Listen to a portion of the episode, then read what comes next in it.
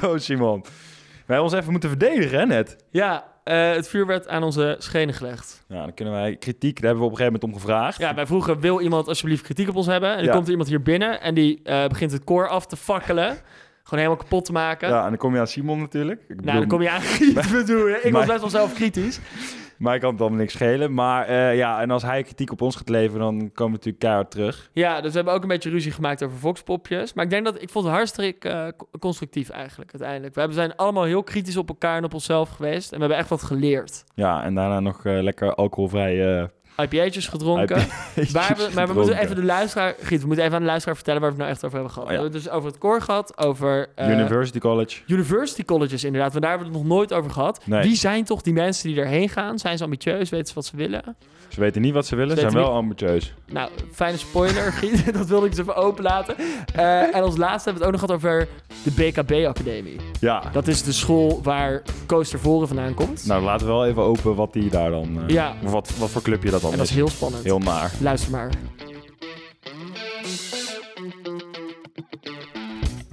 Mediatalent is ook ook klaar. Ja. Mediatalent is, is er klaar voor. Je begrijpt wel dat jij dit nu moet gaan presenteren, want Ja, jij bent snap ik, media. ja. Hartelijk welkom bij de Keuzekast. Kijk, rondom maar de intro. Hartelijk welkom bij de Keuzekast, aflevering 183.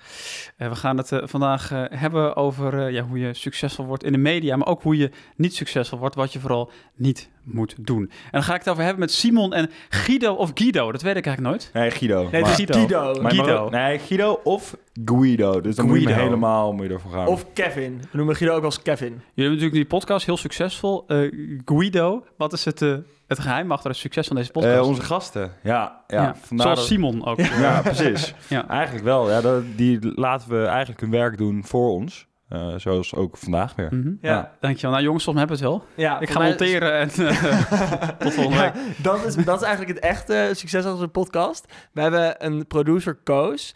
En Koos, die, eh, die hoeft ook niet te werken, want onze gasten doen ook de montage. Is dat zo? Ja, zo heeft Koos zijn handen vrij om het gewoon heel goed, ons merk, gewoon Oh ja. ja, in de media neer te zetten. En mee te En luisteren. jullie geven allemaal dingen gratis weg via Instagram, toch? Dat Ja. is gewoon een boom, boombox waar de mensen dan... ja, dat is wel grappig. Het is verhaal, heel Koos, vies is het, hè? Koos die moest laatst verhuizen. Dus toen Giet en ik dachten, nou, wij helpen hem wel eventjes een handje. Toen hebben wij natuurlijk gewoon zijn, halve huis leeggerookt. Ja. En al die dingen Oh ja. worden nu met Wij accepteren geen sponsors. Wij geven gewoon de dingen van Koos De weg. inboedel van, Ja. van Koos gaat. Ja. Ja, oké. Ook nou, een bank. Dat was allemaal niet waar. Ehm, maar we hebben vandaag Roel Maalderink in, eh, in de uitzending. Roel is mediatalent van het jaar 2020. Nou, zo- 2021, hè, moet ik zeggen. Ja, want je, wordt, je, je wordt verkozen voor het komende dan, jaar. je dekt jezelf Ja. wel meteen goed in. Want anders was je nu inderdaad alweer meteen Zeker. irrelevant. Dus ik heb je- nog een jaar lang eh, de Om je te tijd om een relevantie... hoezo, hoezo ben je dan nu het talent van komend jaar? Dat heb je nog helemaal niet Ja, dan laten moet je zien aan de? Volkskrant-redactie vragen. Oké, Ja, volgende keer vragen we iemand van de Volkskrant-redactie. om dit uit te leggen. Ja. Maar Roel, ontzettend leuk dat je er bent. Mensen kennen jou waarschijnlijk een beetje van de Foxpop-filmpjes... die je wel eens bij eh, talkshows ziet en zo. Maar wij willen eigenlijk ook een beetje praten over... ja, hoe word je dan nou eigenlijk mediatalent van 2020 of 2021? En eh, ik wil echt wel even bij het begin beginnen. Want jij Ja? bij, geboorte namelijk. Nee, ik wil bij het begin beginnen. Want was je hier op school al mee bezig? Met, met media of Met met media, met mediatalent worden. jezelf creatief uiten? Is natuurlijk deel van het format. Hè? Dat nu de titel wordt Hoe word je mediatalent van 2021? Ja, dat dan was de clickbait. heb ik de geheime, eh, de geheime truc. Nou, die heb ik niet, dus je kan nu wegklikken. Oké. Eh, wat, wat was je vraag eigenlijk überhaupt? De vraag was, ehm, op de middelbare school heb Oh, je je toen al er al bezig? Ja, eh, ik wou eigenlijk altijd wel ook al een beetje leuke sketches en grappige dingen maken. Al vanaf dat ik heel jong was. En toen kreeg je in 2005 kreeg je YouTube. Dat, dat, daarvoor was dat er nog niet. En toen heb ik met vrienden gingen we geld bij elkaar leggen. En hebben we een camera gekocht en gingen we filmpjes maken. Mijn vrienden met die ik op schooltoneel deed. En dat noemden we dan tegen de regels. En dat waren eigenlijk de eerste stapjes. Waarom heet het op het tegen de regels? Ja, geen idee. We hebben, he- we hebben echt Was het een beetje anarchistisch of nee, zo? het was, het Of, was heel eh, braaf. Het waren, het waren, waren met zes gymnasiumpikkies die hele brave sketches Een maakten. beetje als de tegenpartij of de... Nee, je had er ook niks mee. te- Nee, het was Oh. echt random. We hebben echt serieus vijf middagen afgesproken, gebrainstormd over namen. En, En dit... er was helemaal niks tegen de regels aan? nee, er was je weinig tegen de regels aan. Nee. Oké, maar je was eigenlijk best wel een braaf pikkie, want anders kom je ook niet bij, bij een university college terecht. Zeker. Ja, was, Ja. werkte je hard op school? Ik werkte hard op school, ja. Ik was Oké. al een, een strebertje. En wat was... Ja. University College is wel een beetje de studie als je echt niet weet wat je moet doen, maar je bent wel inderdaad streberig bezig, dan ga je Nou, dat was exact het ding. Ja, ik ben echt zo'n beetje bij elke open dag geweest. Ik wist echt niet wat ik moest doen, want ik vond dus die dingen met media vond ik heel erg leuk. Maar ik dacht ook, ja, dat is leuk en aardig, maar het is niet een soort serieuze baan. Het kan alleen maar hobby zijn, of dat lukt toch nooit. Dus ik ben naar, naar, naar eh, geneeskunde wezen kijken, bedrijfskunde, naar rechten, naar Nederlands, naar theater, televisie en filmwetenschappen, naar informatica en Enschede. Ik heb echt maar elke open dag en bij alles dacht ik, ja, dan- you dit- dodged the bullet there. Ja, Voor ja. het helft geld was je nu een van de IT'er in de Enschede geweest. Zeker. Dus het, is, eh, het had erger kunnen aflopen. Ja. En, ehm, en ik, ik wist het allemaal niet. En toen heb ik ook een tussenjaar genomen. Eigenlijk om die keuze een beetje uit te stellen. En omdat ik ook gewoon door wou zelf met die, met die filmpjes. Ja, heb je dat toen ook echt voor dat jaar gewoon opgepikt? Heb je toen ook nog Ja, echt, toen ben ik eh, voor de Wereldomroep. Dat was toen voor Nederlanders in het buitenland. Ja. Maakte ik wekelijks een rubriek. Dat ze En- aan moeten wijzen waar ze zitten op de kaart. Nee, het was gewoon een soort, een soort, een soort, soort wekelijkse videocolumn. Ook eigenlijk een beetje volkspopachtig al. Oké. En eh, voor Veronica was een programma, dat heette CQC. Een soort jakhalsachtig programma. Dat presenteerde Bo. En daar was ik verslaggever. Dat was wel heel leuk. Dus ik En 18 je had je da- daar gewoon voor gesolliciteerd of zo? ik had een je mailtje gestuurd, eh, ja. En wat filmpjes ingestuurd. En toen mocht ik aan de slag. Oké. En dat vond ik hartstikke leuk, maar ik dacht wel, ik wil gaan studeren. Dus in de tussentijd was ook nog wel die keuze bezig van, ja, wat ga ik dan in, in godesnaam doen? En ik weet nog wel dat ik wederom een Enschede was op een, eh, op een meeloopdag van Media Technology. En het klonk heel erg leuk. En toen was ik daar en toen vond ik het zo, zeg maar, oninteressant. En ik vond de, de, de studenten met wie ik meeliep ook zo, gede- zo demotiverend. Allemaal een beetje mensen zoals Koos, zeker? Zoals Koos. Ja. ja. En dat ik, dat ik dacht, eh, ja, maar ik, ik, wat, ik, dan, ik wil wel iets doen waar mensen gemotiveerd zijn en wat mensen tof vinden. En toen was een paar dagen daarna was de open dag voor het University College in Utrecht. En ik dacht, ja, fuck it, laat ik daar nou maar eens kijken. is ook een prachtige plek trouwens. Moet je die oude campus intern zitten, toch? Ja. Ja, en allemaal hele gedreven mensen. Want wij hebben het eigenlijk, Giet, wij hebben het eigenlijk nooit over university colleges gehad. Maar dat is eigenlijk precies zoals je zegt. Streberige, extreem ambitieuze mensen. Die ook wel slim zijn, want je moet bepaalde cijfers Sympathieke verhalen. mensen ook. Ja. Sympathieke mensen, aardig. Knappe mensen nemen ze ook alleen maar aan. Ik eh, ben zelf ook toegelaten in 2016, weet ik nog. Maar... Dat ben je helemaal niet gaan doen? Nee, ik ben naar Rotterdam gegaan, maar ik Ja, ben wel eh, dat hele aanmeldproces doorgaan. Toen zag Oh, ik Roel op, eh, vet, op die campus in Utrecht lopen. Toen dacht ik, flikker op, ik ga wel naar Enschede. Nee, maar ehm, ja, wel grappig. En hoe was toen je daar eenmaal kwam, hè? Want wat, moest je daar trouwens nog cijfers verhalen of Nou, zo? ik liep dus op die open dag rond en ik dacht, wow, die sfeer hier is zo ontzettend tof. Ik dacht, het enige wat ik dacht, het is allemaal in het Engels. En ik had nooit zoveel met Engels. Dus, dus ik dacht, nou goed, dan moet ik wel Engels spreken. Eh, en ik had ook wel goede cijfers. Ik had iets van een 8 gemiddeld. En, eh, dus ik heb me gewoon aangemeld. En toen ben ik aangenomen. En hoe was, En- de, hoe was de sfeer daar? Was het ook echt zo streberig? Had je niet ook een beetje... Ik heb ook wel eens van mensen gehoord, namelijk... eh, ik zal geen namen noemen... maar die na een eerste jaar daar weg zijn gegaan... omdat ze vonden dat iedereen zo extreem met zijn cv bezig was... en met ellebogen en allemaal Ja. dingen regelen. Maar het grappige is dat juist het uitvalpercentage heel laag is. Als je kijkt naar bijvoorbeeld psychologie en de UvA... dat was een tijd dat ze gewoon de zaal overboekten. Dus er was zeg maar plekken in de collegezaal... Ja, de bedrijfskunde Rotterdam ook. Zeker, ja. En dus dan hebben ze gewoon dus in de college, collegezaal plek voor 600 man. En ze nemen gewoon 1000 man aan. Omdat ze toch weten, ja, in week 5 is, is de helft al afgevallen. Ja. En ik dacht, ik wil niet een studie doen waar er zo tegen je aangekeken wordt. Dat lijkt me zo kut. En bij University College is volgens mij echt het uitvalspercentage, uitvalpercentage het eerste jaar is echt maar een paar procent. Voelde je niet af en toe een beetje druk... als je dan allemaal van die ambitieuze mensen om je heen zag... en eh, Nee, ik weet wel dat dat er heel erg was. Dat dat ook wel een klacht is. En nog steeds dat, dat in die omgeving met allemaal high potential de druk heel hoog is. En, en je moet nu ook een lenen tijdens je studie, et cetera. Maar om de een of andere reden had ik, na mijn middelbare school, dacht ik wel, ik vind het, ik vind het wel best. Want ik, ik, ja, ik ga gewoon hier, hier ook een beetje lol maken. En ik Ja. studeer daarnaast en ik deed prima. Maar ik had nooit mensen die dan all-nighters, dat ze de hele nacht gingen Ja. doorstuderen. Weet Dat je, is dan ook, dat, Dat vind ik ze dan sowieso- ook heel erg vet. Ja. dat is fucking idioot. dat is dat gekkigheid gaaf heb ik, no- heb ik vinden, nooit gedaan, ja. Ja, Dus ik vond het eigenlijk wel meevallen. Ik denk dat ik op de middelbare school meer heb gewerkt dan op University College. Kijk, het ding is, college is veel... Je hebt, je hebt college op de campus zelf... waar je eigenlijk is haast verplicht om erbij te zijn... want een deel van je cijfers is ook gewoon ben je aanwezig en doe je mee. Dus je bent sowieso bij al je colleges. Je zit met maximaal 28 mensen zit je in een lokaal... Wat ook een beetje je vrienden is, want je gaat met z'n allen naar dezelfde dining hall, je woont bij elkaar. Dus het is zeg maar, dat is gewoon drie jaar lang je leven. Ja. Ja. het is een beetje een koor, maar dan wat met wat minder koorballen. Ja, dan met Ehm, intelligente dat mensen. Ja, fijn, toch? toch? vind ik heerlijk, Ja. ja. ja. Ja, je bent niet zo'n fan van verenigingen of van het koor specifiek. Nee, oh, nou, ik, Je mag eerlijk zijn hier, hè? Ja. wa- wa- ik denk dat het koor, dat is wel een hele andere discussie, maar ik denk dat het koor als instituut, en het weet Simon dat jij het daar in principe met me eens bent of zou moeten zijn, dat het koor als instituut de haves in de maatschappij nog verder stimuleren is. Het is ook heel erg waar de mensen die al, al, al uit goede huizen komen, eh, al een netwerk hebben opgebouwd bij de hockeyvereniging. Die zoeken elkaar op en die gaan daar samen klitten. En zo... Ja, eh, ik heb er wel een, kanttekening bij, want ik, ik, eh, dat is in de realiteit is dat zo. Tegelijkertijd zou je kunnen zeggen, er is geen enkel ander land waar ehm, de elite, if you will, als je het zo wil noemen, heel cringy en naar, maar Mhm. op die manier samenkomt. Maar waar in principe iedereen zich kan aansluiten. En waar het eigenlijk geen fuck uitmaakt waar jij vandaan komt op het moment dat jij daar inschrijft bij die Ja, en er vereniging. zitten natuurlijk allerlei structuren bin- binnen de corporaat dat wil je een clubje 1 komen, dan is het toch wel fijn dat je al Dat jongens wel, kent ja, van de ja. hockey. Dus, dus binnen, binnen het corporate systeem is er een soort multiplier voor mensen van goede huizen. dat is wel zo, ja. en dat is volgens mij een beetje aan het hervormen. Ik snap inderdaad wat je bedoelt. Maar bijvoorbeeld inderdaad wat Simon zegt, die loting. Weet je, ik weet wel uit ervaring, dat gaat heel erg eerlijk. Ja, Dus dat zijn ook mensen die denken, oké, ja, als je zoontje van die of die bent, dan kom je wel gewoon bij de Mhm. Vereniging, kom je bij het eerste clubje en zo. Ja, dat eerste clubverhaal is denk ik wel een beetje correct. Ja. Ja. Maar dat, ja, of je bij die vereniging mag of niet. En uiteindelijk als je het hebt van, oké, de haves, die, die, die hebben er heel veel aan, die komen vooruit in de maatschappij. In die zin maakt het niet heel erg veel uit of je clubje 1 bent of clubje 28. Ja. Als jij deel bent van die vereniging, ben je deel van die sociale gemeenschap. Daarentegen zou je wel kunnen zeggen, ja, iedereen kan lid worden. Maar Ja, dat- eh, heel veel mensen worden er niet, omdat je gewoon niet uit je omgeving dat meekrijgt als je niet... eh, ja, en qua, die- qua diversiteit. Ik bedoel, bij de, bij de gemiddelde corpora, überhaupt bij verenigingen, hoeveel mensen zitten daar met een, met een, een, een- die niet wit zijn, met een, met een niet-Nederlandse achtergrond? Hoeveel mensen zitten daar die gay zijn? Of in ieder geval niet daar hebben we hetero? het inderdaad ook al de hele over cultuur, Die de hele cultuur is natuurlijk heel erg he- heteronormatief en heel erg... Ik bedoel, als je moslim bent, dan heb je sowieso niet zoveel te zoeken. Want ja, Ja.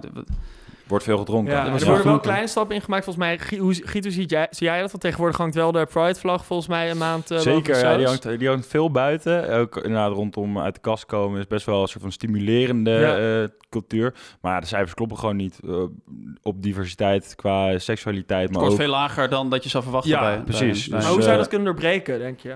Ja, to- ja, Ik wil toch. dit zijpaadje wel even bewandelen. Nou, ik vind Nee, het ja, klopt. Ja, er- er heerst toch af en toe eh, nog steeds gewoon, ehm, nou, niet, ik wil niet zeggen ehm, fobie richting homoseksuelen Ja. of allochtonen of iets.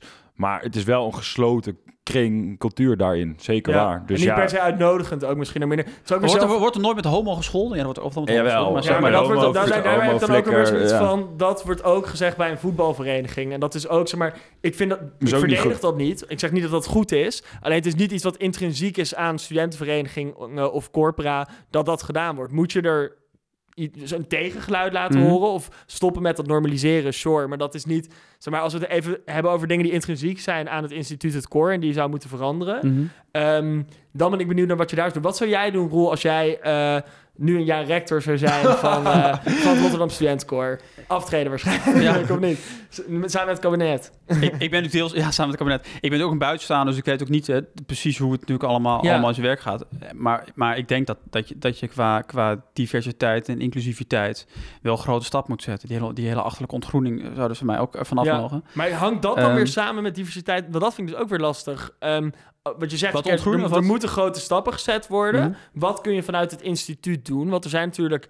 eh, je- kijk, het is een eh, witte jongensclubje heel Ja. lang geweest. En je wil het misschien diverser maken. Eh, maar de vraag is dan even, oké, hoe kun je dat nu doen? Of hoe kun je dat constructief zou je dat kunnen doen? Want van buitenaf vind ik ook wel dat het heel makkelijk te zeggen is van... oh, dus, dus we zien het nog steeds niet terug in de cijfers, dus Nou, jullie doen niet genoeg. Maar wat wel echt zo is, is dat iedereen zich kan aanmelden. En ik spreek ook uit ervaring, zeg maar als dus eh, jongens met een buitenlandse etniciteit zich aanmelden, je wordt gewoon opgenomen in de groep. Dat is echt, dat is echt zo. Ja. Ja. Dat is, heel ik denk ook wel dat het afgelopen jaren ook wel veranderd is en dat dit dat, dat, dat het ook wel meebeweegt met, met de maatschappij. Ja, wordt Ik vind wel ook dat, er zit, er zit ook binnen, binnen de hele corporale cultuur iets met tradities. En er zit natuurlijk ook iets in wat gewoon natuurlijk een soort, wat eigenlijk conservatief is.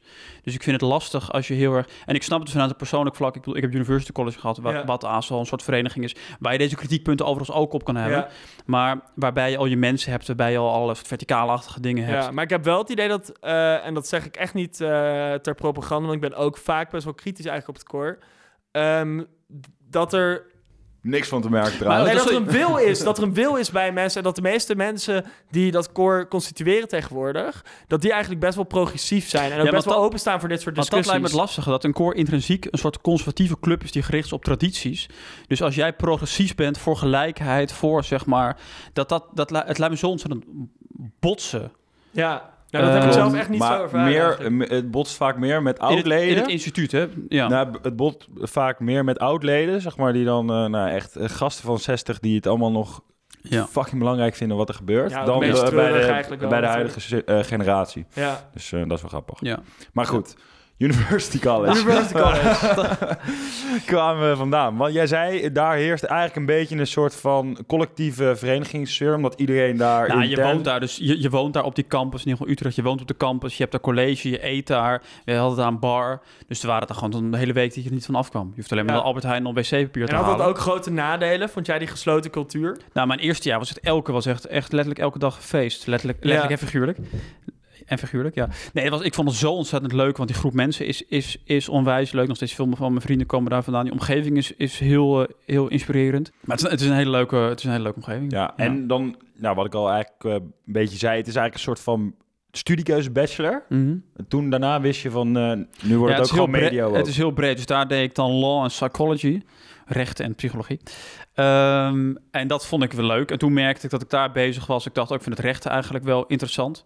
En toen was een programma daar op de University College... dat je in vier jaar tijd zowel rechten als University College kon doen. Toen dacht ik, nou, dan doe ik dat. Ja, wel aardig dat je het even vertaalde voor Guido. Maar, Ja.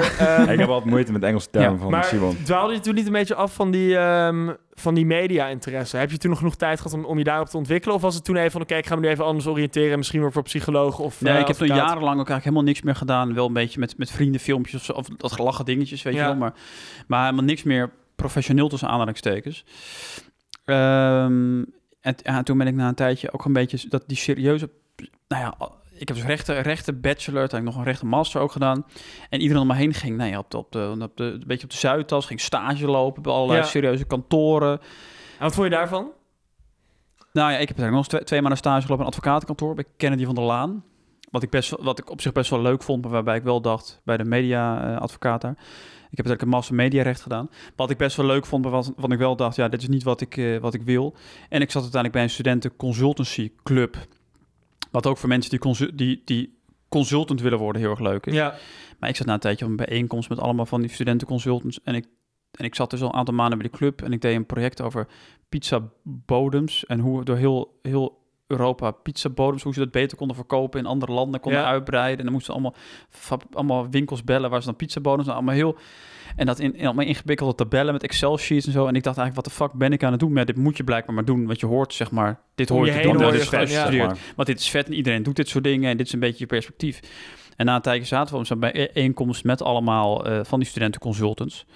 Eh, en, en, en, ik, en ik keek, en het ging echt letterlijk zeg maar twee uur lang over winstmaximalisatie. En, Ja. en ik keek eens om me heen en ik dacht, wat de fuck doe ik hier? En ik kreeg een soort zweetaanval en echt zeg maar, ik moet hier weg. En zo'n pak aan dat ik zo heel helemaal... Had je gezopen de dag daarvoor? Nee, ik had niet zo... Nee, ik had, ik had Ja, nog- zeker weer op het record geweest de dag ervoor. ik was nog nooit zo nuchter geweest. Ja. En toen ben ik opgestaan, heb ik gezegd familieomstandigheden en ben ik weg, eh, weggelopen. En daarna nooit meer teruggekomen. En toen dacht ik wel, oké, maar als ik dit is dus niet de weg, de kant waar ik op moet. Maar toen had je die stage al wel gelopen, die, die serieuze dingen. Ja, dat was in die tijd. Ja. Ja. Ja. Ja, En ik vind het bijvoorbeeld ook bij zo'n rechten bachelor vond ik het ook altijd wel weird. Dat zelfs docenten, maar zeker studenten, maar ook docenten het heel erg voorschetsen alsof het een soort piramide is. En helemaal boven in die piramide is de Zuidas. Dat als je recht studeert, eigenlijk is het, en dat zit een beetje tussen de regels door, het hoogst haalbare als je recht studeert is belasting ontduiken, constructies bedenken bij de brouw. Dat wordt, dat wordt niet zo letterlijk dan. gezegd, maar eigenlijk is dat zeg maar wat er, wat er dus iedereen die gaat uiteindelijk hoopt om bij de brouw te kunnen werken, Ja. om daarvoor te zorgen dat Shell en Unilever zo min mogelijk belasting belasting be- betalen. In plaats van je zo'n bachelor ook zou kunnen Ja. inrichten op het hoogst haalbare, is eh, mensenrechtenadvocaat, Ja. vluchtelingen helpen in Maar Nederland. is dat ook een stukje kritiek naar de opleiding? tegen- is dat ook een stukje kritiek naar de opleiding? Zeker. Dat je zegt van, er, is, er worden wel skills aangeleerd, maar er is te weinig beeld doen. Want er zijn heel veel talentvolle mensen die aan het eind van de opleiding denken... oké, ik eh, moet maar gewoon veel geld gaan verdienen op de. Zuidas. Het zijn dus twee dingen. Ik heb het University College gedaan en, en daarnaast rechten. En ik vond Ja. bij rechten inderdaad, is er, daar zit het, het, het woord beelddoen is daar, eh, zit daar niet in het curriculum. Nee? Nee, maar af en toe komen er ook bij bedrijfskunde of economie of econometrie komen er ook bedrijven inderdaad gastcolleges geven, maar dat is bijna gewoon een pitch voor zichzelf of van joh, kom hier werken. Ja. En daar denk ik ook af en toe van wat zie je Ja. de toegevoegde waarde van.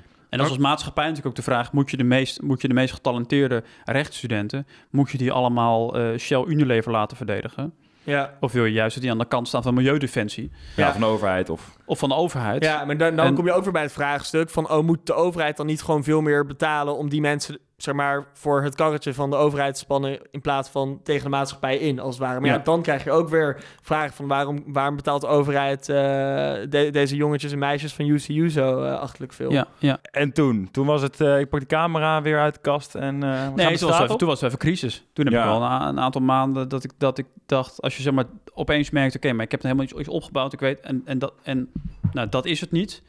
En wat is het dan wel? Maar dat is misschien dus niet iets met mijn studie, waar ik wel natuurlijk jarenlang eh, in, Ja. heb, in heb ge- geïnvesteerd. Ehm, en toen ben ik toch weer heel veel zelf een beetje dingen gaan maken en blijven maken. En uiteindelijk, nou ja, weer bij televisie. Ik heb het uit bij de KRO NCRV, het programma Jan rijdt rond. Dus ik had ook Ja. wel nog een beetje, omdat ik in het verleden dingen had gemaakt, nog wat ingangen. Dus de opvolger van Man met Hond heb ik gedaan. Ik heb nog een tijdje met Peter de Vries een, een, eh, een televisieprogramma gemaakt voor RTL 5.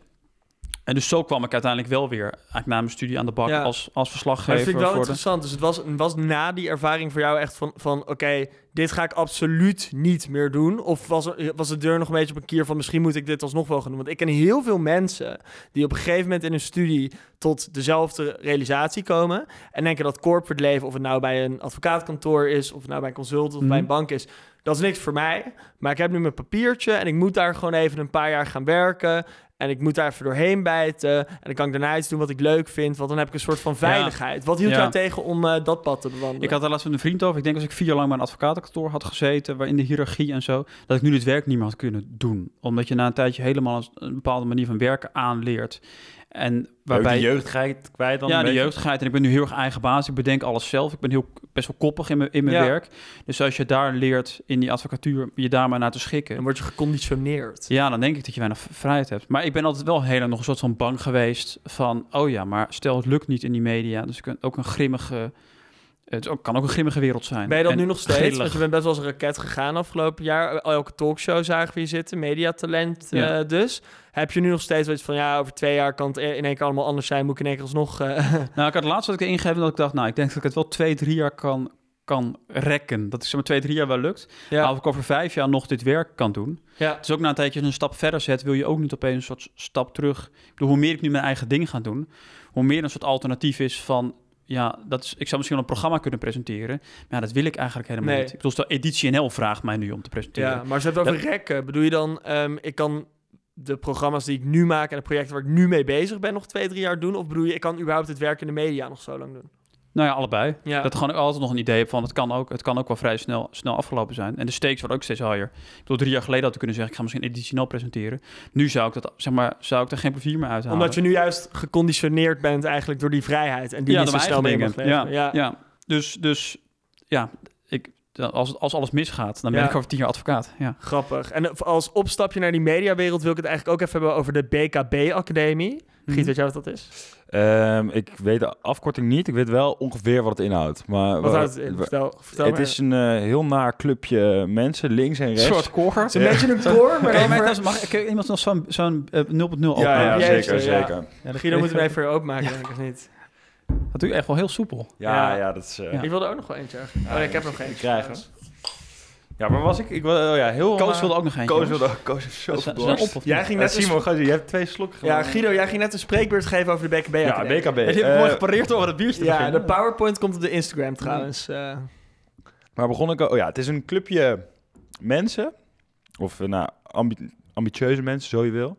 Ehm nare figuren als uh, Jackie Baudet hebben we net gedaan. Koos ervoor. Koos ervoor eh, en Roel Maaldering. Alexander Klupping, die ook bij ons Je- langs is geweest. Je zou er maar tussen staan. En het is volgens mij een beetje politiek media ingericht. Een soort eh, talentenklasje, zoals je dat ook eh, Ja. voor de ambassadeurs eh, hebt Ja, in het buitenland. Klasse Buitenlandse Zaken. Maar dan dus mediapolitiek eh georiënteerd. Mhm. En Nou, Roel, wat je daar dan ongeveer? doet, eh, weet ik helemaal niks vanaf. Ja, wat is je vraag? Wa- wat houdt het in? Wat BKB is? Ik nog, nog een keer nu de kloppende uitleg. Eh, nee, nee, het klopt. Nee, het is een campagnebureau in, eh, in Amsterdam. Dat heet BKB. En die hebben sinds 20 jaar hebben ze een, een klasje waar elk jaar 25 mensen uit verschillende de vakgebieden en plamage, et cetera, bij elkaar komen. Tussen de 18 en 28 jaar en daar een jaar les krijgen in campagne voeren. En je gaat een week ook naar het buitenland om daar naar de campagnes te kijken. Dus ik heb het in 2015, 2016 gedaan. En toen zijn we ook een week gegaan naar de voorverkiezingen eh, van dat jaar. Dus Wanneer was je afgestudeerd trouwens even? in 2000, in in 2016, 2015, 2016. Dus dit deed ik helemaal aan het einde van mijn studie. Ja, En uh, dus zijn ze ook bij een Trump rally geweest, bij een Clinton rally. Dus dat was heel, heel tof. En het is leuk omdat allemaal mensen zijn er bezig met, met campagne voeren, met de kruising tussen politiek en, en media. Dus bijvoorbeeld iemand in mijn jaar, Devika, die heeft dat stem op een vrouw opgezet. ja, Dus de, de campagne dat als je op de eerste vrouw stemt die misschien net niet in de Kamer komt, ja. volgens de peilingen, dan kun je ervoor zorgen dat zij een plek van een man inneemt, et cetera. Dus een beetje dat soort mensen. En Koos, ja. die nu een ke- commercieel podcastbedrijf heeft, Ja. heeft opgezet. Nou, zo commercieel is het niet. We worden nog... Niet voor ons in elk geval. eh, godverdomme. Oh ja, dat klopt. Ja. Koos heeft net een huis gekocht, maar eh, Giet en ik die eh, wonen samen op vijf Krijg je hier vierkante niets voor meter. betaald? Van die podcast? Nee, nee, nee, we krijgen helemaal niks. En we willen het ook helemaal sponsorvrij houden. Nou. Ja. Ja. Want ehm, Bavaria. We zijn heel puur Ja. en maagdelijk. Maar eh, ja, BKB, wat heb je eraan gehad? Heb je er veel aan gehad? Was je denk je nu eh, zo, zo ver gekomen in de media zonder dat eh, academietje of dat talentenklasje? Nou, ik weet niet of daar, of daar zo één op één een... eh, een eh, Ja, we zijn kous- geen eh, theoretische natuurkunde aan het doen. Of, of we zijn ook geen IT aan het doen in Enschede. We zijn Nee, even maar een heb, beetje... heb ik te veel aan gehad? Ja, ik heb er wel veel aan gehad. Ja. Gewoon überhaupt qua mensen, mensen die op hele andere... Wat ze bijvoorbeeld ook heel erg doen, is ze, zoeken in die groep van 25 mensen heel erg echt mensen van, van links tot rechts. Ja, Mensen met allerlei verschillende achtergronden. Dus dat is, dat is, heel, eh, dat is heel goed. Dus dat verbreedt wel echt heel erg je blik. Ehm, en gewoon de lessen die je geleerd hebt, de mensen die je, die je kent en het netwerk dat je daar ja. krijgt. Dat wat is wel skills heel of netwerk? Wat leer je meer daar? Ja, de, Netwerk, de- hè? wel netwerk, Ja. ja. ja. Het is toch eigenlijk ook een beetje een, eh, een, plek, een, een plek waar, waar de hefts De heft, elkaar. elkaar vinden. En, ehm, maar goed, daarna ben je dus... Wat, wat vind jij eigenlijk je- een soort van jouw hoofd... eh, zeg maar, wat doe je nou het meeste? Is dat Foxpop? Ja, dat is ook natuurlijk een beetje zo gegroeid. Het is natuurlijk niet zo dat ik natuurlijk dacht... oké, ik ga nu van Volkswagen een heel groot iets maken. Nee. Daar ben ik na een tijdje mee begonnen. Ik maakte dus die televisieprogramma's bij de KRO-NCV... en daar, daar merkte ik na een tijdje, ja, leuk en aardig... maar ik zit hier in een soort radartje binnen de publieke omroep... binnen een omroep, binnen een zender. En ja, dan ben ik een hiërarchie? schakel gewoon Een- een verslaggever. Zit die hiërarchie daar ook een beetje in? Of Nee, maar uiteindelijk, ik heb bijvoorbeeld het programma op, opgelicht. Dat misdaadprogramma na een tijdje. Ja, daar ben je dan verslaggever binnen zo'n programma. Maar ja, je, je, je vrijheid is te vrij klein. Want het is, het is op manier opgebouwd. En ik wilde gewoon zelf, ik ik wilde zelf dingen maken die ik zelf grappig of belangrijk of leuk vond. Dus na een tijdje dacht ik, ja, ik ga ik, ook een soort crisismomentje, iets lichter. Maar ik dacht, ja, ik wil toch ook die volgende stap zetten. Ik wil dingen gaan maken die ik zelf leuk vind. En wat wist ik dat ik kon en wat is makkelijk om te maken? Straatinterviews. Dus Ja. dat, dat ben ik een aantal maanden gaan maken. Letterlijk laagdrempelig. Ja, En wat was de omslagpunt? Wat was de eerste volkspop die echt even een beetje... eh, Nou, ik had iets van de 15 of zo die ik maakte, was dat ik in Barneveld ging vragen wat mensen vonden van Homo sapiens. Ja, Ze vinden dat Homo sapiens mogen trouwen en die zat dan ook in de wereldrijd door. En dat was wel een soort fijne stimulans. En dat na een tijdje het AD, waar ik nu Fox op samen mee maak, dat zij naar me toe kwamen en zeiden misschien kunnen we dit samen maken. Maar ja, die, die in Barneveld. Hè? Dus dan ga je inderdaad de straat op en dan vraag je aan de streng gelovigen in Barneveld van... joh, wat vind je van homo sapiens? Ik, ik vind dat een beetje makkelijk. Zeg maar, je weet eigenlijk dat die mensen... Nou, of ze slim zijn of niet, weet ik niet. Maar je wacht toch wel totdat ze dat antwoord gaan geven van... ja, eh, homo's vind ik niks. Terwijl je daar dus niet op doelt. Dus Mhm. maak je eigenlijk een beetje gebruik van. En doet, nou, Po-nieuws die doet dat in een eh, hele agressieve manier, zeg maar. Die, die, die forceren het echt. En jij laat het eigenlijk die mensen een beetje zelf doen. Vind je dat, eh, iets genuanceerder, maar vind je dat zelf niet een soort van... Ja, makkelijk, een beetje die mensen voor schut zetten, terwijl ze dat zelf doen? Ja, ik, ik heb nu met Fox 120 video's gemaakt, dat ik een heel palet is van allerlei verschillende dingen. Dus ik heb afgelopen Ja. zomer een video gemaakt dat ik aan mensen vraag, en aanleiding van Black Lives Matter protest, heb je als nadeel gehad van je huidskleur? Een zwarte en een witte mensen, bij zwarte mensen Ja. komen verhalen komen en witte mensen zeggen, waar, waar heb je het eh, over? Ja. Eh, dus dat, dat, was is een één kant van het... buitengewoon informatief en interessant. Dat mensen ook echt... Ja, je vroeg volgens mij uiteindelijk aan iemand van... Ben je wel eens preventief gefouilleerd? Ja, En het ging voor heel veel witte mensen in mijn omgeving... ging echt een wereld open van hoe fucking vaak... eh, mensen met kleur gewoon aangehouden worden... Ja. weet ik veel wat, voor niks. Maar... dus dat is de ene kant, dat is de ene kant Ja. van het spectrum. En aan de andere kant van het spectrum staat, staat de flauwe puberale grap dat ik naar Barneveld ga en daar mensen vragen, wat vindt, wat vindt u van de homo, eh, ho- homo sapiens? Eh, ja, god, is, Maar- het, is, maar- is, het, is het kinderachtig en flauw? Dat, dat is het. Tegelijkertijd kreeg ik op zo'n video ook berichtjes van mensen die zeiden... God, ik ben er, op, ik ben er opgegroeid. Wat goed en wat, wat grappig en wat fijn dat hier eens een keer een video over wordt gemaakt. Ja. En die mensen zijn ook, ja, god, dit is hoe zij tegen aankijken tegen, tegen homoseksualiteit. Daar maak ik een grapje bij door het homo sapiens te noemen. Ja, is dat, Ja, ja, is, is dat het, ja, is ook niet het einde van de wereld voor die, voor die mensen. nee, nee, maar ik, ik heb meer van... ehm, ik vind bijvoorbeeld inderdaad het probleem eh, dat ze zo tegen homo's aankijken, dat aan de kaak stellen, vond ik goed. Maar dan inderdaad soort van ze op die manier dan ook nog super stom neerzetten. Ehm, dat zal ik weer van, ah, dat is net, het- net het randje opzoeken. Ja.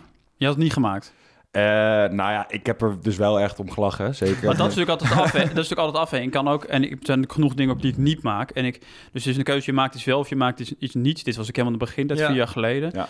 En dan hou je er wel rekening mee. Dus ik heb wel voor mezelf allemaal dingen ingebouwd. Dat ik geen kinderen interview. Dat ik, dat Ja. ik als je mensen, als je iemand, weet ik, hoogzwanger ziet lopen, dat je denkt, laat iemand doorgaan. Ja. Van die mensen zo'n in, in een karretje of zo, weet je, waarbij je merkt, of mensen, er zijn natuurlijk heel veel als je ergens draait, genoeg gekkies. Wat betere Wat- televisie maakt eigenlijk. Of ja, maar wat ik juist niet eh, wil hebben is gekkies. Ik wil gewoon de mensen die, die je gewoon normaal overal Ja. eh, Ja. Maar heb je, je hebt Als wel vaker de kritiek en- gehad. eh, Nee, maar wil ik even als mensen mij willen aanspreken, ook van ik wil niet dat je het, eh, ik wil niet dat je het uitzet, ik wil niet dat je het gebruikt, dan hou ik er ook wat rekening mee. Dus ik Ja. heb allerlei dingen wel ingebouwd om het zeg maar zo, zo net mogelijk te doen. ja. Nou, en goed, dat zie je dus niet inderdaad. en in de, en in de montage, dus je haalt geen dingen, zeg maar, dat je, dat je vragen aanstelt en antwoord B erachter plakt. nee, Dus ik heb ook eens mensen die, die af en toe iemand die klaagt. Ik had laatst iemand over een video.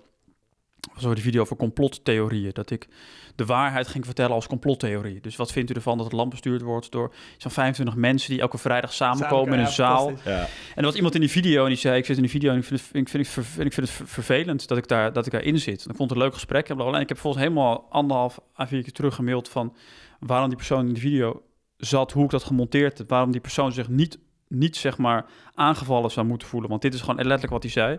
En ik kreeg een mailtje terug van: eh, Oh ja, nou goed dat je het zo uitlegt, netjes het uitlegt. Ik snap het nu. Ja, maar zo zal het niet altijd aflopen, toch?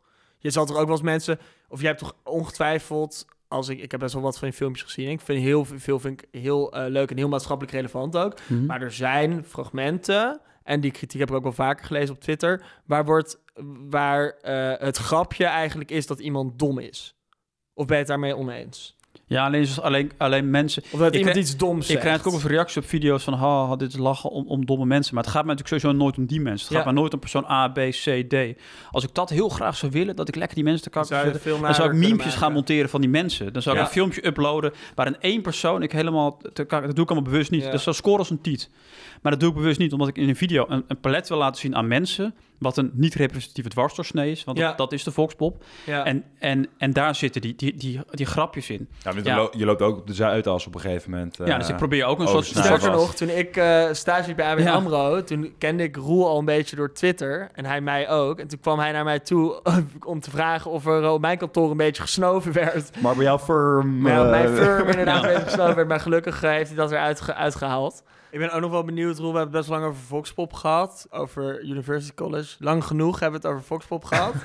En Vooral heel kritisch vond ik het wel. ja, maar het is Ja, goed om je een beetje aan het... Ik Nee, vond dat je zeker. er heel goed uitkwam. En heel Dankjewel. sympathiek ook. En dat vindt de luisteraar ongetwijfeld ook. Nee, maar we mogen ook wel een beetje aan de tand Nee, voelen. zeker. En Maar- ook, ik meen- het ook wel. Als je dat zegt, Ja. dat ik vind het belangrijk om dat wel... ja, maar dat is Goed- juist een belangrijke te discussie om te hebben dan. Want dan Ja. ehm, is dat ook weer duidelijk. Ik heb eh, er wel om gelachen namelijk. Ja, ja, maar jij bent ook gewoon Wat een heel naar jou? sadistisch Nou mens. ja, nou Jij bent ze- zo'n vieze zeker die. Kijk, die, me- die mensen uit Barneveld die vervolgens ook weer met 300 eh, man in een kerk gaan zitten. Ja, dan mag je Ja. in deze tijd dan mag je ook wel op een filmpje belachelijk Ik gemaakt heb ook wel eens worden. bij het UWSV eh, en USC gestaan over dat er steeds meer onveilig seks werd. eh, steeds meer jongeren hadden onveilige seks en een ding over de orgasmekloof. Ik denk als er één groep is die slecht uit mijn video's komt, dan is het wel, Ja? Ja. dan is het wel Ja, die moeten we even kijken nog. Ja. Ja, gaan we zeker kijken. Maar, goed, ik ben eh, ook nog wel benieuwd, Roel, voordat je ons gaat interviewen. Want ik voel, eh, Ja, ik voel, al, excuus. ik voel al aankomen dat wij ook weer aan de tand gevoeld gaan worden. Maar dat hebben we al even bij het koor gedaan natuurlijk. Ben jij, zie jij jezelf als een heel strategisch persoon? Want ik, je hoort van Hilversum in de mediawereld heel vaak...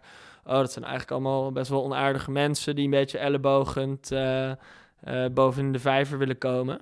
Beetje hetzelfde Maar- als bij de brouw dan. Maar ik eh. vind jou eigenlijk een hele lieve, lieve en goedwillige jongen. Hoe komt het dat... eh, Heb jij daar... de- Denk je dat dat strategische element toch wel een rol speelt in je succes in, eh, in de mediawereld? Of Ja, dat zijn denk ik twee dingen. Want el- elleboog en, en strategisch zijn is denk ik wel, wel een verschil. Zeker, ja, ja. En ik denk dat het wel belangrijk is om strategisch te zijn en serieus na te denken over wat je wil doen. Dus nu met Foxpop en met de volgende, dat ik nu nadenk, oké, wat is eigenlijk de volgende stap? Wat moet ik eigenlijk doen? Wat moet ik ook niet doen? Ik bedoel, ik krijg ook allerlei aanvragen voor programma's nu en dingetjes in programma's waarbij ik denk, dit, dit, je, dit, dit past helemaal niet, dit wil ik helemaal niet doen. ja. Ehm, dus het is denk ik wel heel belangrijk om daar strategisch in te zijn. Oké. Dus serieus einde zo, hè? Ja, heel serieus. Wanneer ga je weer naar Barneveld? Ben gewoon- Eh, voorlopig niet. Dan krijg ik Nee? allemaal hele kritische vragen daarover. eh. Ja. ik ga denk ik naar Rotterdam. Waar zat je R- RSC? eh? Ja, ja, ja. daar, daar, Ja, nu niet meer. Ik ben al zes, wij zijn al ja, weg. Ja, ik ben principe. 15 jaar. dus Ja, jij ik ben mag nog wel nog actief zijn lid. Je mag mij heel 15 erg naar, eh, aan de tand voelen. Als 15 jaar. Ja, maar ik- vind het wel grappig als je inderdaad volgende keer, want die USC's hebben we dus gehad, ga volgende keer weer eh, mensen van verenigingen aanpakken. Dan kunnen we wel weer lachen. Leuk. Gaan we, spreken we dat af. Top. doen. Helemaal goed. Nou, tot dan. Roel. Dankjewel, Roel. Leuk om er te zijn. Toch? Moet je altijd zeggen aan het einde.